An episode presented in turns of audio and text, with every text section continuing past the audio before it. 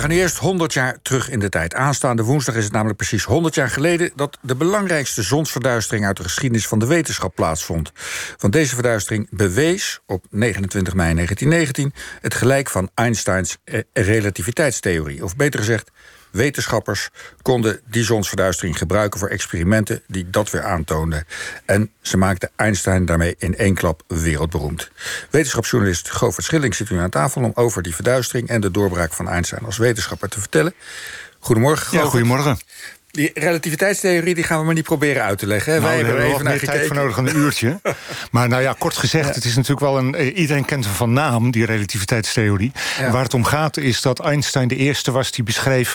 dat ruimte en tijd niet zo strikt en absoluut zijn... als je intuïtief zou denken. Uh, Altijd werd er gedacht, ruimte is gewoon ruimte. Kan je niks meer doen, kun je niks aandoen. Tijd is gewoon tijd, één seconde per seconde is ook absoluut. Einstein was de eerste die met zijn theorie zei van... nee, dat klopt niet, dat is allemaal een beetje flexibel. Dat kan veranderen. En dat, heeft met elkaar te maken. Maar dat was een hele, een hele verrassende nieuwe theorie... waar die in 1915 mee kwam. En die theorie die, uh, ja, die was bij vakmensen was die wel bekend. Die, die lazen daarover, maar dat, iedereen vond het heel raar en moeilijk te begrijpen. En het was ook maar een idee, het was een theorie. En uh, ja, dan wil je dat natuurlijk op de een of andere manier bevestigen en aantonen. Je, wil, je wil laten zien of, of ontdekken dat die ruimte echt kan vervormen. En, en dat was het bijzondere, dat het vier jaar na die publicatie van die theorie voor het eerst echt maar, gebeurde. Maar wacht even, wat dacht men, of wat dachten de wetenschappers... of de mensen die er een beetje verstand van hadden... wat dachten ze dan op, het moment, op dat moment? Dachten ze dat de ruimte onbewegelijk was, dat alles vaststond? Wat dachten ze Ja, je moet je voorstellen, als wij aan ruimte denken... dan denk je gewoon drie dimensies. Je kan in elke richting kan je meten hoe ver iets van elkaar vandaan is... en daar verandert niks aan. Ja. Dingen kunnen door de ruimte bewegen... maar de ruimte zelf is, is absoluut. En, en Einstein die was degene die zei... nee, de lege ruimte zelf kan vervormen, kan uitdijen, kan gekromd zijn, kan Ja. trillen, kan bewegen. En, en dat was een heel nieuw inzicht. Ja, want ik, ik begreep, eh, gewoon uit Wikipedia en zo... dat, dat, eh, dat eigenlijk de, de ideeën van Newton Mhm. uit de 17e eeuw... dat die nog steeds gangbaar waren. In Ja, 1915. nee, nou, en, en eigenlijk ook nu nog steeds. En dat is het bijzondere. Want, want die zwaartekrachttheorie van Newton... dat was het oude idee van ruimte en tijd en zwaartekracht. Mhm. dat, daar wordt nog steeds gebruik van gemaakt... als je wil uitrekenen hoe je met een raket naar de maan moet... bij wijze van spreken. Hè? Maar die, want die vervormingen van Einstein... die zijn heel kleinschalig. Daarom zijn ze ook zo moeilijk aan te tonen. Ze zijn eigenlijk te verwaarlozen. zijn in het dagelijks leven te verwaarlozen. Maar het is wel een heel wezenlijk verschil. Het gaat echt over iets dat je kunt zeggen... wat wij altijd dachten dat vast stond en absoluut was... dat blijkt niet zo te zijn. Ja. maar hoe kan dan, want ik ben dan nieuwsgierig... hoe bedacht men dan in 1919, vier jaar nadat die theorie was Ja. geponeerd... van er komt de zonsverduistering aan, laten we die theorie eens gaan Ja, nou, bewijzen. dat was geen, geen idee van Einstein zelf, Nee. maar van een, een Britse astronoom, Arthur Eddington. En die was een heel groot fan van Einstein. Hij was ook degene die de relativiteitstheorie in Engeland eh, onder het publiek bekend had gemaakt. En die dacht van ja, als de ruimte echt kan krommen, dan is de baan van een lichtstraal is dan ook niet altijd recht. Dan kan een licht kan door zware objecten worden afgebogen. Bijvoorbeeld door de zon. Zoals een ster. Als wij de zon in de verte zien staan en een verre ster daar net bij die zon eh, op de achtergrond zien. Dan is het licht van die ster wat naar ons toe komt... wordt dan een beetje afgebogen. En dan zien we de ster op een andere plek. En dat is een beetje vergelijkbaar met een, een luchtspiegeling op aarde. Als je in de woestijn zit, hè, dan, dan is er heel erg in de verte staan... misschien wel een paar palmbomen. Maar door die luchtspiegeling zie jij die palmbomen hoog aan de hemel zweven. Want het licht komt vanuit een andere richting op je af. Dus je ziet iets op een plek waar het niet Waar het niet hoort te staan. Ja. En Eddington die bedacht, bij een zonsverduistering kunnen we dat misschien meten. Want dan zit de maan voor de zon en is het licht van de zon afgedekt... en dan kunnen we de sterren eromheen goed meten en fotograferen... en die posities opmeten. Dus het was een heel briljant idee om dit aan te tonen. En hij heeft toen in 1919 heeft hij twee expedities op touw gezet... naar die eclipse van eh, 29 mei. Eentje naar Brazilië en eentje naar een eilandje in de Golf van Guinea. De- Daar waar je het beste zicht had, neem ik aan. Hè? Je Ja, zegt want die- zo'n zonsverduistering de moet je altijd op een bepaalde Ja. plek zijn. Ja. En ja, dit was natuurlijk in de tijd... eh, je kon nog niet even in een lijnvliegtuig stappen... naar de andere kant van de wereld. Dus het was allemaal op schepen. Was een enorme telescopen mee. En die eclipse was op land alleen maar zichtbaar... in de jungle, in Afrika en in Brazilië. Dus het, was, het viel allemaal niet mee. Maar zo'n zonsverduistering duurt toch ook maar heel kort? Duurt ook kort, ja. Duurt Dus maar een paar minuten.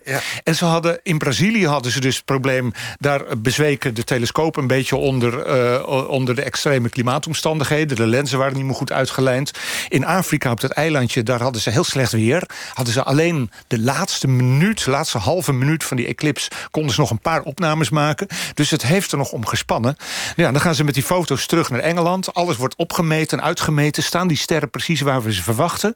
En wat blijkt? Nee, ze staan allemaal een klein beetje op een andere plek... dan waar je ze eigenlijk had verwacht. En het komt door die afbuiging van het licht. En het klopte precies met de voorspelling van Einstein. En dat was toen wereldnieuws. Dat was wereldnieuws, want die, uh, die uh, uh, ontdekkingen, die, die resultaten... die werden in november bekendgemaakt... op een grote sterrenkundebijeenkomst in Engeland.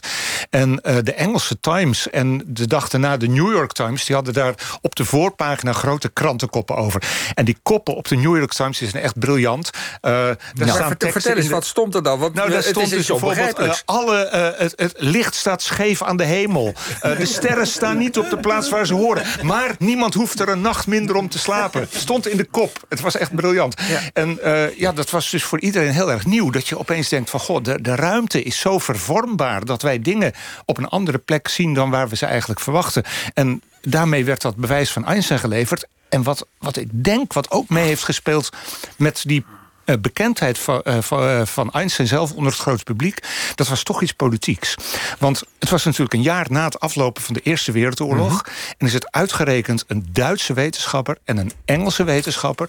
die eigenlijk in een 1-2'tje dat hele mooie kosmische bewijs... van jongens, er is iets aan de hand... Ja. wat dat gaat ver bo uit boven onze politieke ja, strubbeling hier op aarde. Geholpen, geloof ik, We hebben het over iets universeels, over ja. iets kosmisch... en wij ontdekken de fundamentele aard van de natuur. En dat, dat heeft echt wel heel erg tot de verbeelding gesproken van, van het publiek in die ja, tijd. Het heeft niet zoveel geholpen dat een Engelse en Duitse wetenschapper samenwerkten. Want uh, dit werd, kwam toch nog een tweede oorlog ja, achteraan. Oorlog, maar goed, waren er ook mensen die ja, ja, want dit is flauwekul, dit geloven we niet. Waar waren ook principiële bezwaren bijvoorbeeld van bepaalde hoeken te horen? Of was nou, was, in die tijd was het vooral bij heel veel natuurkundigen die de theorie veel te ingewikkeld vonden. En hij is ook heel ingewikkeld. En als mm -hmm. je daar voor het eerst mee in aanraking komt. Eddington was, dat nou een ontzettend leuke anekdote.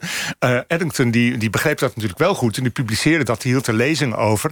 En toen was er een keer een dame na afloop van zo'n lezing die aan hem vroeg. Want uh, meneer uh, Eddington, ik heb uh, begrepen dat die relativiteitstheorie, dat er maar drie mensen op de hele wereld zijn die hem begrijpen. Waarop Eddington zijn... Uh, wie is dan de derde?